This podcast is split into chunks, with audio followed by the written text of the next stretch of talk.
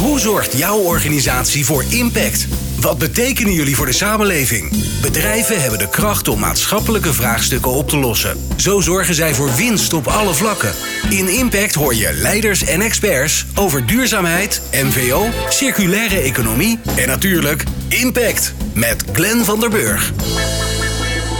Naast een klimaatcrisis hebben we ook een biodiversiteitscrisis. Het voorbeeld van de bijensterfte is regelmatig in het nieuws.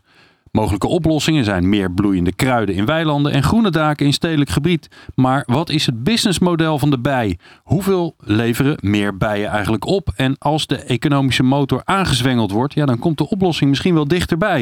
In deze podcast buigen we ons over het vraagstuk hoe zorgen we dat investeren in biodiversiteit loont. En we hebben een, een mooi gezelschap, eh, een mooi divers gezelschap, hè, want ja, divers is altijd beter, wordt sterker. Um, Litwien uh, van Velde is er, zij is de voorzitter van de directie bij de Nederlandse Waterschapsbank. En ze is ook nog eens een keer voorzitter van de commissie Biodiversiteit bij de Nederlandse Bank. Bas Ruter, Director of Sustainability and Climate bij Rabobank. En Johannes Regelink is er organisatie-ecoloog, transitiemaker, maar nog veel belangrijker, boer.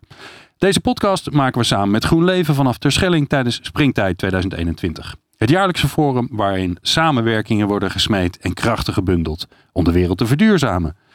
Litwien, Bas, Johannes, leuk dat jullie er zijn. Um, een belangrijk onderwerp. Gelukkig een onderwerp wat steeds meer aandacht krijgt. Uh, want dat was een aantal jaar, geleden nog wel anders. Dan vonden we het allemaal ingewikkeld. En, uh, maar dat, het staat nu goed op het netvlies. Um, Johannes, volgens mij heb jij er misschien wel het allermeeste verstand van. Um, wat is er aan de hand? Wat gaat er mis op het gebied van biodiversiteit? Ja, wat er uh, aan de hand is, is dat wij van oorsprong een heel complex samenleven van allerlei soorten hebben, uiteraard. Um, en dat hoe wij nu met eigenlijk onze, onze aarde, onze ruimtelijke ontwikkeling, onze ruimtelijke ordening, maar dus ook in de landbouw omgaan, zorgt ervoor dat er uh, ja, dat die veerkracht die er in die complexiteit zat, dat, dat die steeds minder wordt. Ja, dus uh, leuk al die weilanden, maar er bloeit te weinig.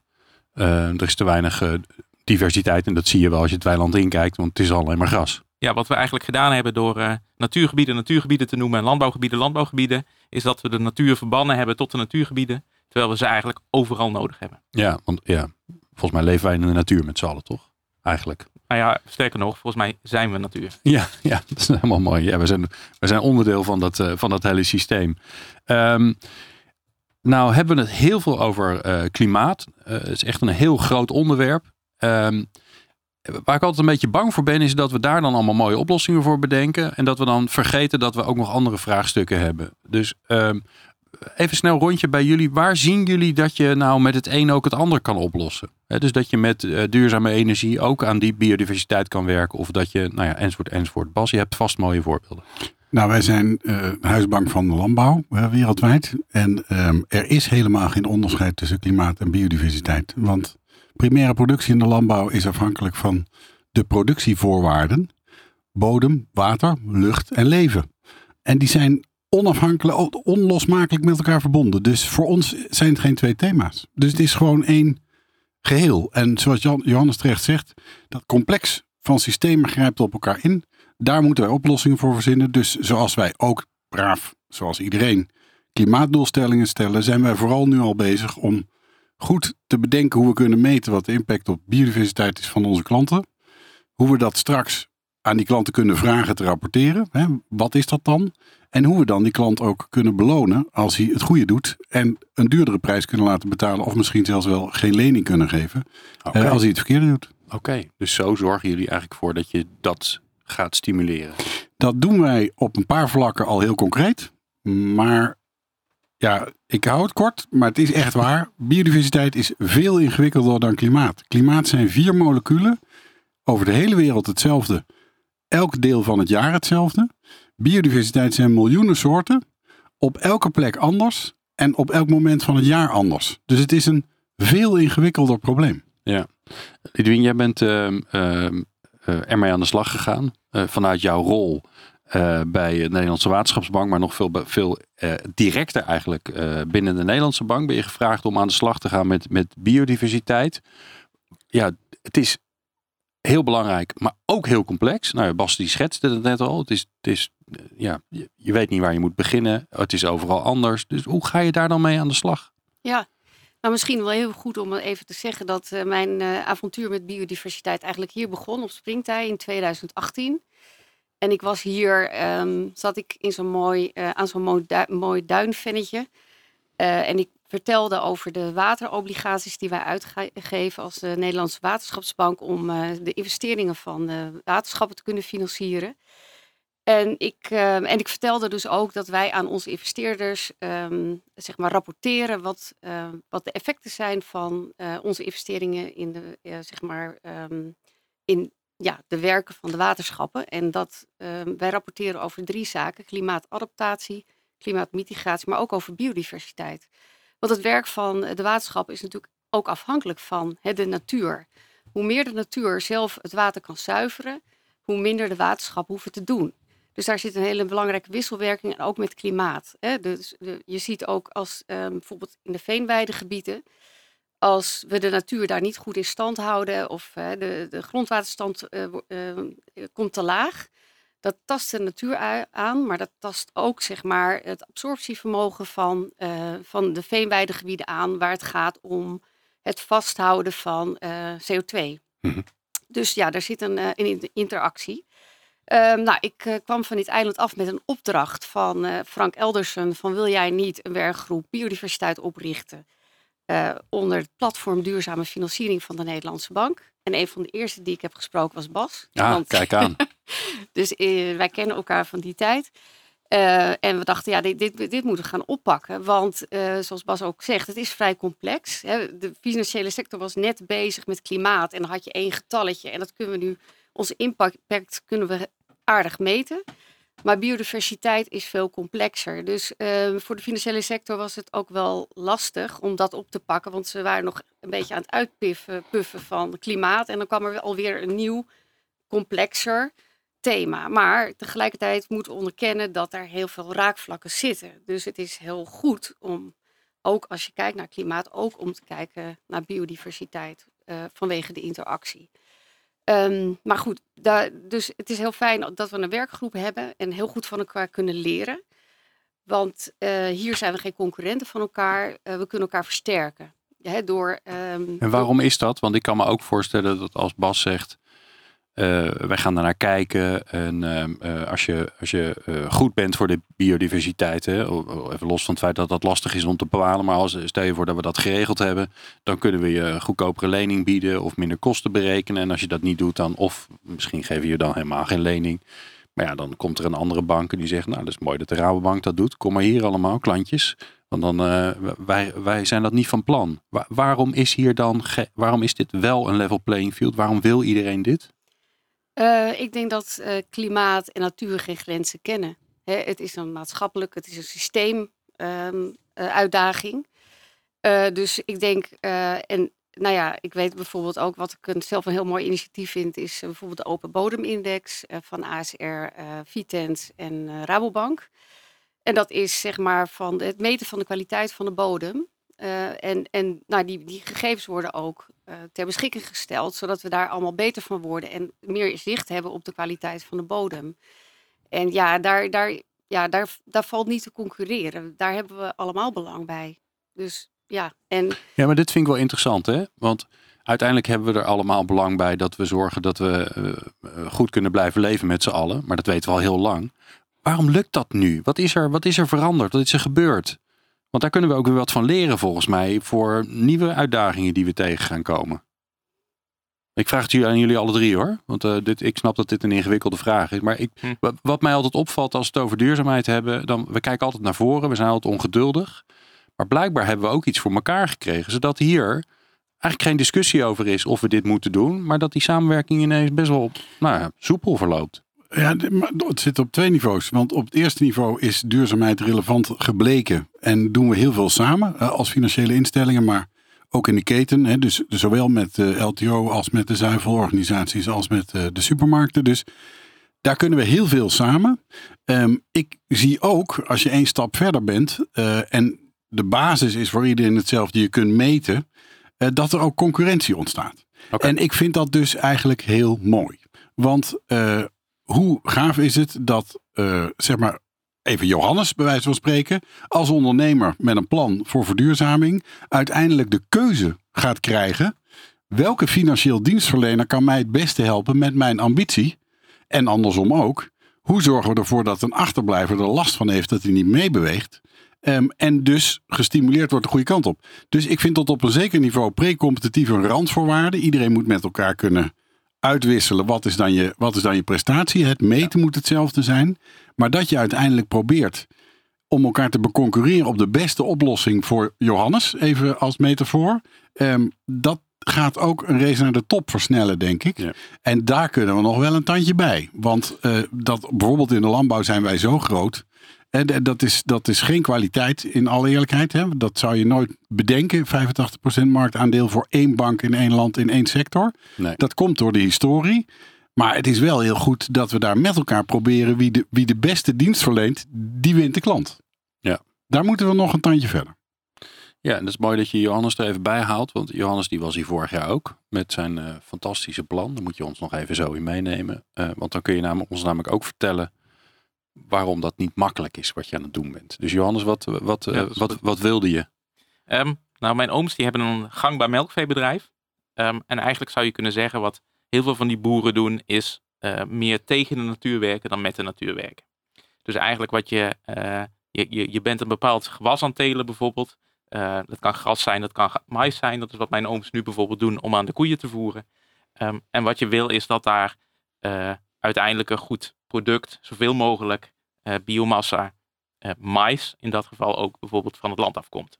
Ja. En dat betekent dat als je een, uh, een maisveld hebt, je hebt die mais gezaaid, dat je een paar weken later daar overheen spuit, dat je al het onkruid dat opkomt doodgaat. Ja, want dat is de concurrent voor de mais. Precies. Dus wat je eigenlijk doet is dat systeem heel smal maken. En daarmee dus ook weinig veerkrachtig maken.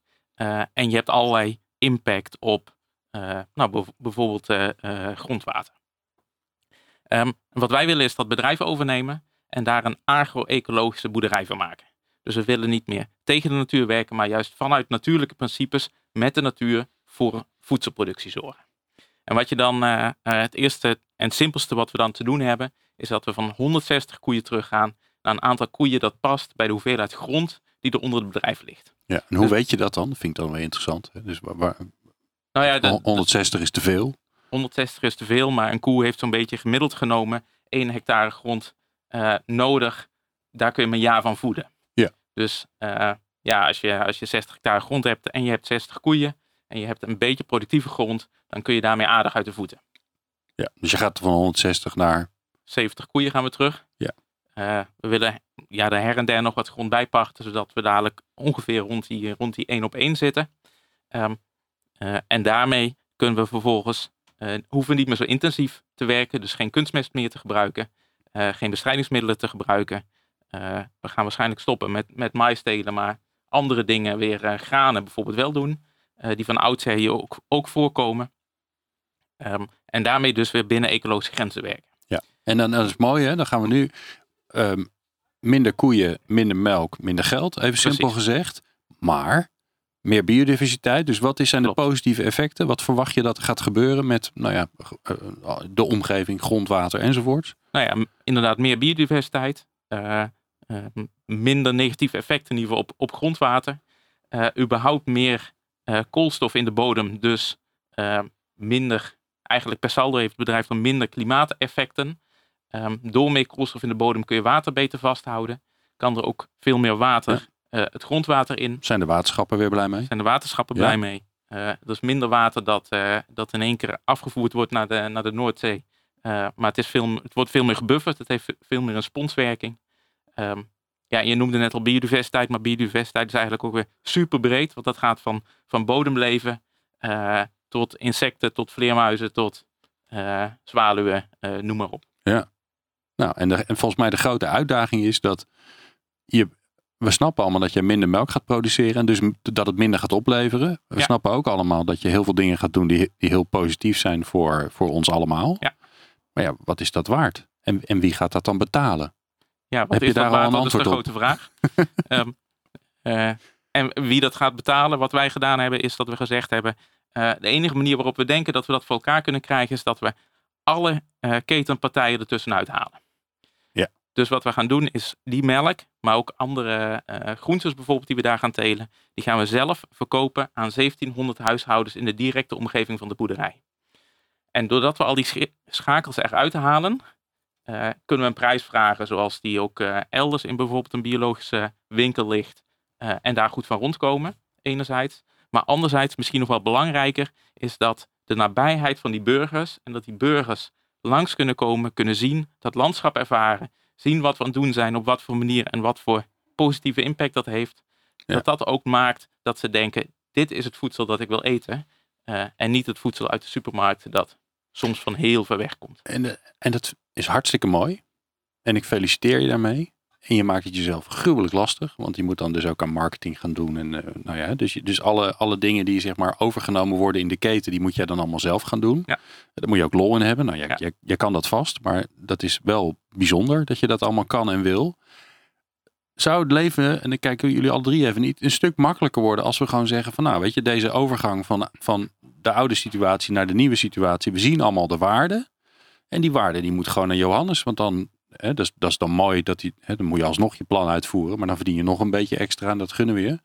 Um, maar die waarde die je gaat creëren bent door die biodiversiteit, door de wateropslag, dat is, hoe gaan we, dat, hoe gaan we daarmee om? Ja. Litwien, help ons. Nou ja, dat is dus uh, inderdaad een vraagstuk. Hè? Want nu doen we eigenlijk of al die, nou ja, met een mooi woord, ecosysteemdiensten maar gratis zijn.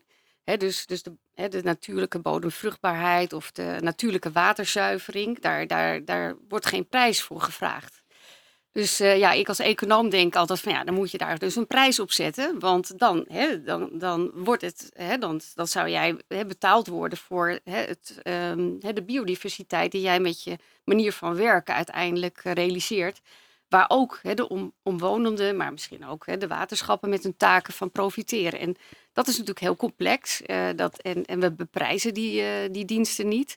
We belasten het ook niet, hè, want in feite hebben we geen groen belastingstelsel. Dus dan zou je ook nog kunnen denken als econoom, nou ja, daar kun je prikkels inbouwen. Ja. De dus negatieve effecten die kosten, hè, die kosten niks. Ja, dus, dus dat, dat is, ik, hoop, ik hoop dat we daar ook stappen gaan zetten. Dan wordt het ook makkelijker om dit soort bedrijfsmodellen rendabel te maken. Ook zichtbaar rendabel. Dan wordt het voor banken ook makkelijker om dat te financieren. Hè, want dan, dan zit het al in de business case. Nou, daar zijn we nog lang niet. Ik denk niet dat we tijd hebben om op te wachten.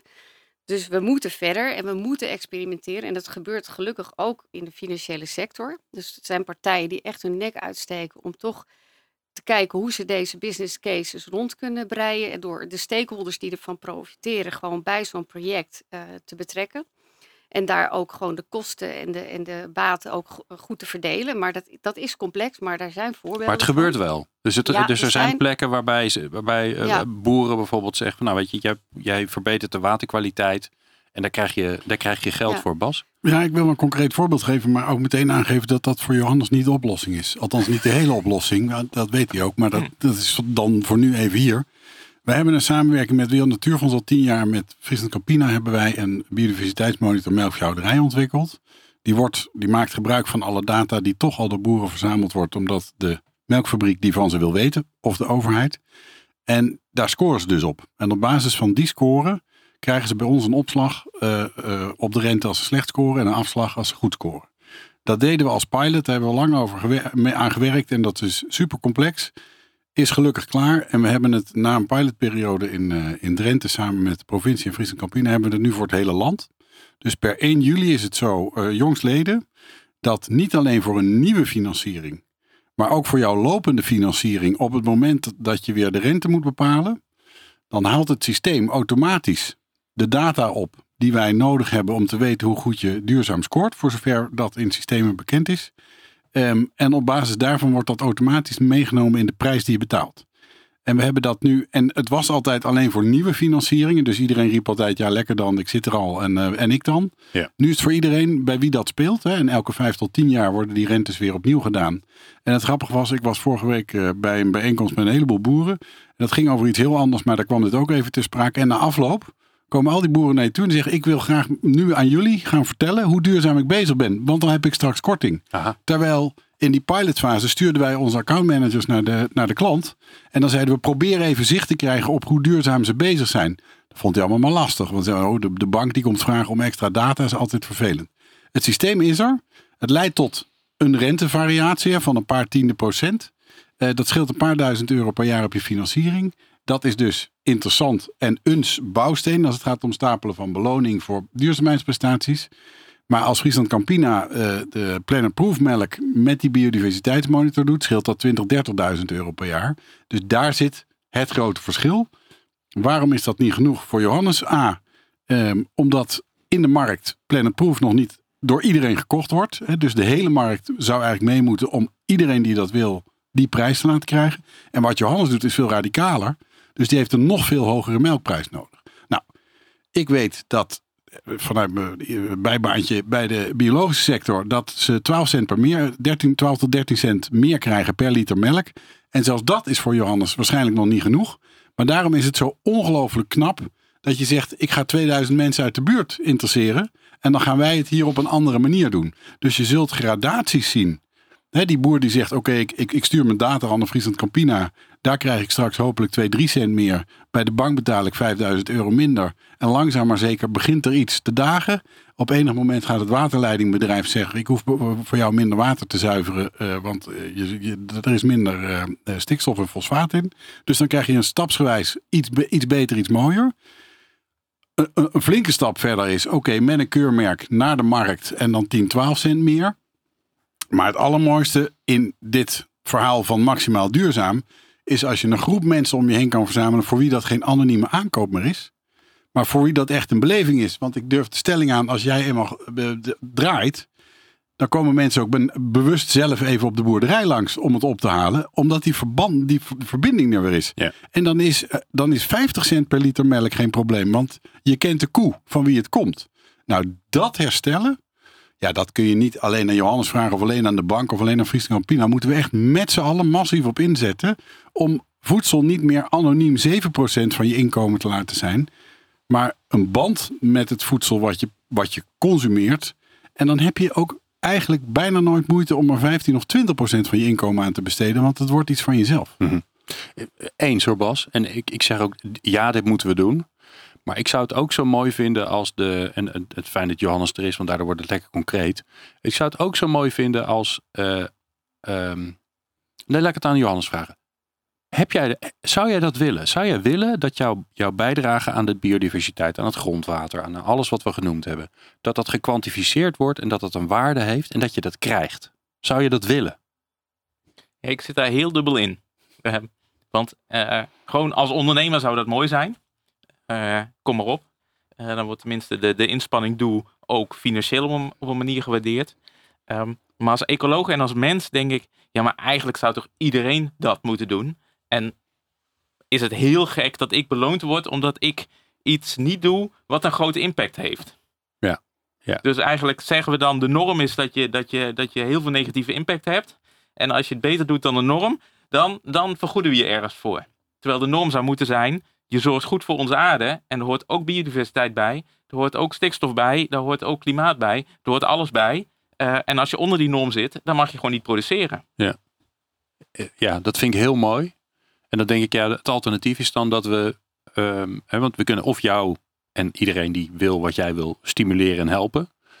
Um, en dan komt er beweging. Of we kunnen dingen gaan verbieden. Of en, dat, en. Hè?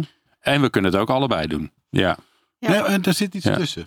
Als ik vrij mag zijn, want er is, dat is overigens nog niet door de Kamer heen, maar er is een wet ruimte voor duurzaamheidsinitiatieven. En als die straks aangenomen is en hopelijk snel. Wat een verkeerde naam zeg. Ruimte voor. Ja. Dus dan denk je, ja, maar hoezo ruimte? Ja, natuurlijk ruimte, toch? Dat je denkt. Eens. Ik, ik, ik, zou je dat... ik citeer uit ja, uh, werk van de minister. Er is, er is ruimte voor. Ja, ja. maar de, je hebt natuurlijk van oudsher een enorme druk op uh, uh, het niet hebben van een kartel en prijzenafspraken. En, want dan betaalt de, de consument te veel.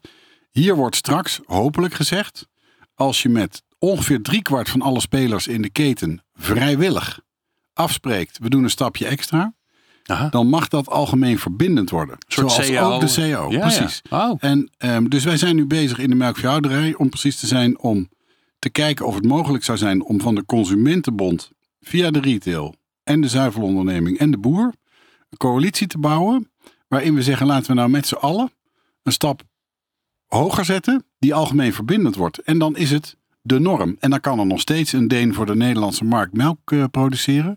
Maar alleen als je aan die norm voldoet. Hm. Nou, dat gaat tegen alle vrijhandelsverdragen in die er zijn in de wereld. Dus dat vergt nogal wat eh, massage in Brussel en onwennige ACM-ambtenaren. En, Ja. eh, maar goed, ik heb goede hoop dat omdat iedereen ziet dat een aantal van die collectieve belangen slecht in de vrije markt geregeld zijn, dat we dat op een andere manier toch dichterbij gaan brengen. Mooi, mooi voorbeeld. Ja, heel tof. Eh, Litwien, hoe kunnen die banken, want jij hebt die commissie gedaan bij de Nederlandse bank, hoe, kun- hoe, we hebben het voorbeeld van de Rabobank, hoe, hoe kunnen die nou met z'n allen gaan helpen? Dus, dus als we nou naar, die, naar de uitkomst van jouw uitkomsten van jouw commissie kijken, hoe helpen die dan uiteindelijk mensen zoals Johannes? Nou, ik, kijk, ehm, ten eerste is het gewoon kennis opdoen. Nou, en nou ja, daar denk ik dat we die kennis kunnen delen. Hè. Eh, en vervolgens in de dagelijkse praktijk, hoe je die kennis aanwendt als bank. Daar kan een stukje competitie in zitten, zoals Bas zegt. Maar in feite, kennis delen is, is eh, denk ik, ehm, ja, the way to go. Because, ja, omdat we gewoon ehm, samen die weg moeten gaan en die bewandelen. En die weg is eh, best lastig, omdat het een vrij holistisch begrip is, biodiversiteit. en, eh, en we hebben ook echt discussies in onze werkgroep van, oké, moeten we geen ecoloog in dienst hebben? Hè? Want het is ook kennisoverdracht. Dus kennisoverdracht tussen de boer en de, en de bank en, en andersom. Dat je elkaar begrijpt. Want ik, eerlijk gezegd, persoonlijk denk ik dat er niet eens een groot ehm, contradictie is tussen financieel rendement op langere termijn en investeren bijvoorbeeld in het behoud van de natuur. Of het, hè, want uiteindelijk denk ik dat een bank ook het onprettig vindt om een financiering te geven aan een boer. En die betaalt dan na tien jaar terug en de bodem is totaal uitgeput. Hè, en eh, stel je voor, eh, de, het gaat verkeerd en, ehm, en de bank moet, eh, moet hè, iets met die grond. Ja, of ze staan ineens ja, in de krant dus- of zo, dat vinden ze dus- ook nooit leuk. Ik, en, dus ik vind die discussie persoonlijk een beetje lastig. Want ik denk op de langere termijn dat investeren eh, in, in duurzaamheid eh, ook rendabel is, ook financieel. Maar je moet wel een langere horizon hebben. Dus ik denk, eh, en, maar dat is wat we binnen de bankenwereld nog moeten gaan ontdekken en, eh, ehm, en, en leren. En misschien met andere expertise in huis halen. En zodat als, als er, want ik zeg altijd van ja, leuk allemaal duurzaamheid, maar het moet in de primaire processen worden geïntegreerd. Dus op het moment dat er een boer langskomt bij een bank en die heeft een mooi voorstel, dan moet zo degene die dat voorstel beoordeelt, die moet die kennis hebben van oké, wat is er belangrijk voor, de, voor het duurzame bedrijfsmodel? En ook rekening houden met wet en regelgeving. Hè, bijvoorbeeld, kijk eens wat, wat er gebeurt met de stikstofcrisis. Dat is heel erg lastig voor Nederland. Eigenlijk kun je zeggen, ja, we hebben dat niet zo handig aangepakt in beleid. Maar we hebben dat ook niet doorzien. Hè, ook niet in, in, hè, ook niet, de banken hebben ook niet ingezien. Nee, dat dat zat groot- niet in de risicomodellen blijkbaar. Nee, het zat niet in de risicomodellen dat dat uiteindelijk met een hele harde klap terug zou komen naar heel veel sectoren in onze, onze, onze samenleving. Ja, en dat, dat is best lastig. Want als jij een kredietvoorstel eh, hebt en je, nou, dan neem je gewoon het huidige beleid erbij en dan hou je er tegenaan. En, maar misschien moeten we verder kijken dan ons neus lang is. Dus ook als banken en eh, in andere sectoren onze eigen verantwoordelijkheid nemen en verder kijken. En dan denk ik eigenlijk dat die contradictie tussen financieel rendement en maatschappelijke impact en duurzaamheid niet zo ver uit elkaar liggen. Nee, dus jij bent eigenlijk dat, met de commissie ben je dat structureel aan het oplossen, waar Johannes volgens mij tegenaan gelopen is, want die kwam met zijn ideeën bij eh, een bank. Eh, en vervolgens past die niet in het systeem. Want nou ja, datgene wat jij aan het doen bent, Litwien, dat zit er nog niet in. En volgens mij eh, eh, eh, heeft hier Springtij een beetje geholpen en zijn de juiste mensen aan elkaar gekoppeld en zitten nu naast elkaar volgens mij zelfs Johannes en Bas. En, ehm, eh, maar als dat niet was gebeurd, als, als er niet mensen op zijn ge- voor jou, Johannes, om te zeggen: Oké, weet je, het kan het past misschien, hè, computer says no. Misschien zegt, zeggen alle systemen wel dat het niet kan of dat het niet mag, maar we gaan het toch doen. Ja, dat klopt. Ja, ja wat je ziet is eh, ehm, dat de, de, de risicorekenmodellen die zijn gebaseerd op hoe ziet het er bij een gemiddeld bedrijf uit. Eh, en wat wij gaan doen is niet wat een gemiddeld bedrijf doet. Nee, dat is Sterker wat een nog, gemiddeld bedrijf zou moeten doen. Er is nog toch? geen melkveebedrijf in Nederland dat eh 500.000 liter melk produceert en dat allemaal lokaal verkoopt. Ja. Dus er is, er is gewoon geen bedrijf waar je dit dan aan kunt spiegelen. Ja, Bas? Mag ik daar, ja, want eh, we zitten hier nou toch. Ja. Ehm, we gaan niet de casus van Johannes hier eh, de via de radio uit, uitvinden. Maar het is wel heel belangrijk wat Johannes zegt. Want, en wat jij hem ook vraagt. Hij doet iets heel bijzonders. Ja. En ehm, dingen die heel bijzonder zijn, hebben intrinsiek vaak ook een hoger risico. En wij lenen spaargeld uit. Dus wij moeten wel op zoek naar een manier waarop de waardering voor wat je aan het doen bent, haalbaar is met spaargeld. Of we moeten een andere oplossing verzinnen.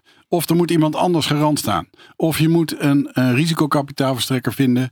eh, of eh, je moet een stuk van de financiering elders kunnen doen. Waardoor het risicoprofiel voor deel wat wij doen met spaargeld haalbaar is. Dus wij hebben intern discussies. Hoe kunnen wij ervoor zorgen dat dat gat wat wij niet met spaargeld kunnen. Hoe we daar toch een oplossing voor kunnen verzinnen. Vorige week hadden we daar een gesprek over, onder andere met minister Schouten. Ehm, die heeft een omschakelfonds in het leven geroepen. En wij hebben heel erg ons best gedaan vanaf dag één om te kijken hoe kunnen we dat omschakelfonds een succes maken. Nou, daar hadden we een stukje gesprek over en toen zei ze op enig moment, maar weet je wel waarom ik dat omschakelfonds begonnen ben? Ik zei, nou, ik kan me er iets inhoudelijks bij voorstellen, maar zeg het eens. Omdat jullie het niet zelf gebouwd, hebben. Dus dat was echt vol in je gezicht. Eh, ik verwacht ook van jullie dat je voor dat stuk als bank er bent voor iemand die wil verduurzamen. En dan kun je een heel lang verhaal vertellen over wat spaargeld is. En dat iedereen zijn rente wil hebben en zijn hoofdsom terug. Maar dat is gewoon niet de maatschappelijke verwachting. Punt.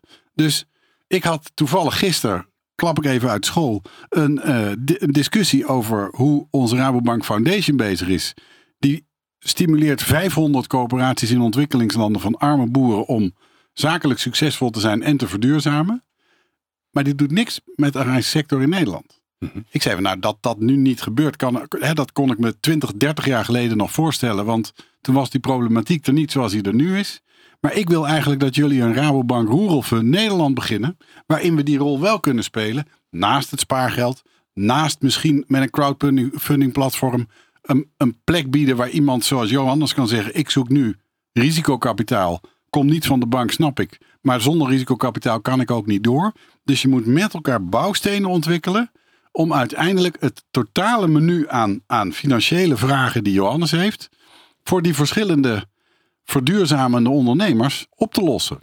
Ja, Eh, en zeer- laat- laat even wachten jongens, even wachten. Even. Ja. Zeer veel respect voor Bas. En, en fantastisch dat het, hè, dat het lukt. Want uiteindelijk moeten we gewoon zorgen dat mensen Johannes gewoon hun werk kunnen doen. Want die doen het echte werk. Hè. Die laten zien dat het kan.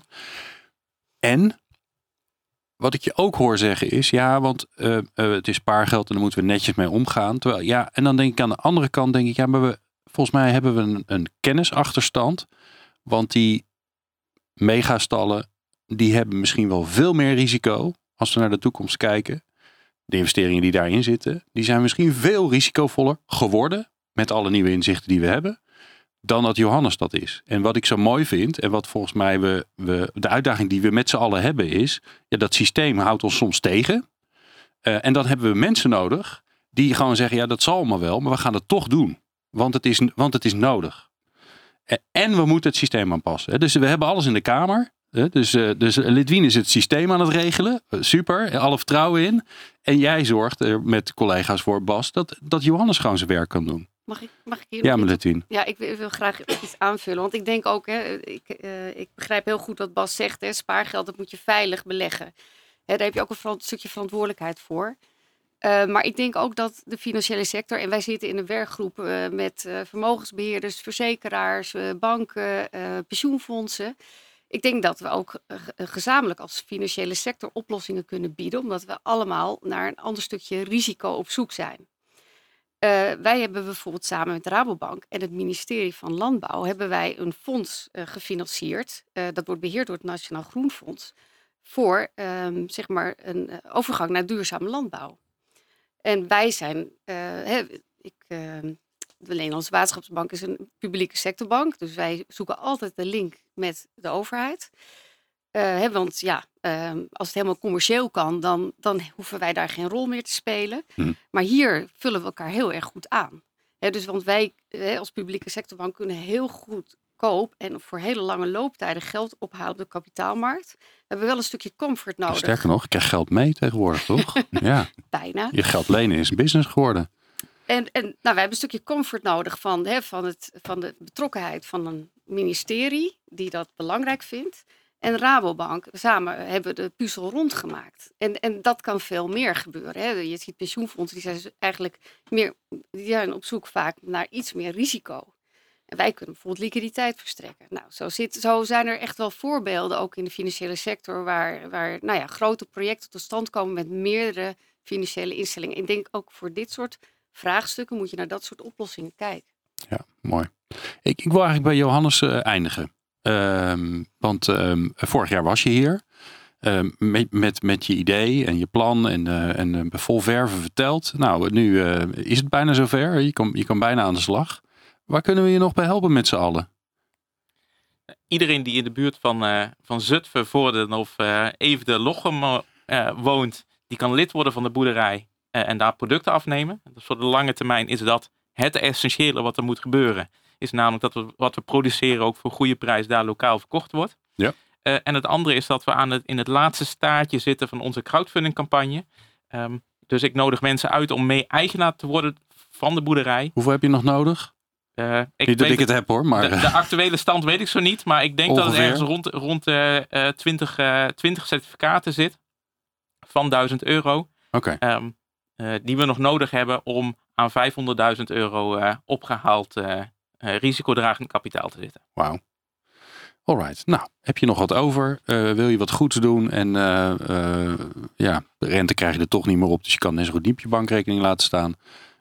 dan kan je bij Johannes zijn. Ja, volgend jaar, Johannes, dan, dan willen we weer weten hoe het ervoor staat, ja, toch? Goed. Ja. En mensen moeten dan kijken op www.depatrijs.eco depatrijs.eco. Ik dank jullie zeer. Ik vond het bijzonder uh, leuk en interessant. Lidwin van Velde van de Nederlandse Waterschapsbank. Bas Ruter van Rabobank. En Johannes Regeling van depatrijs.eco. Dankjewel. Meer afleveringen van Impact vind je op impact.radio.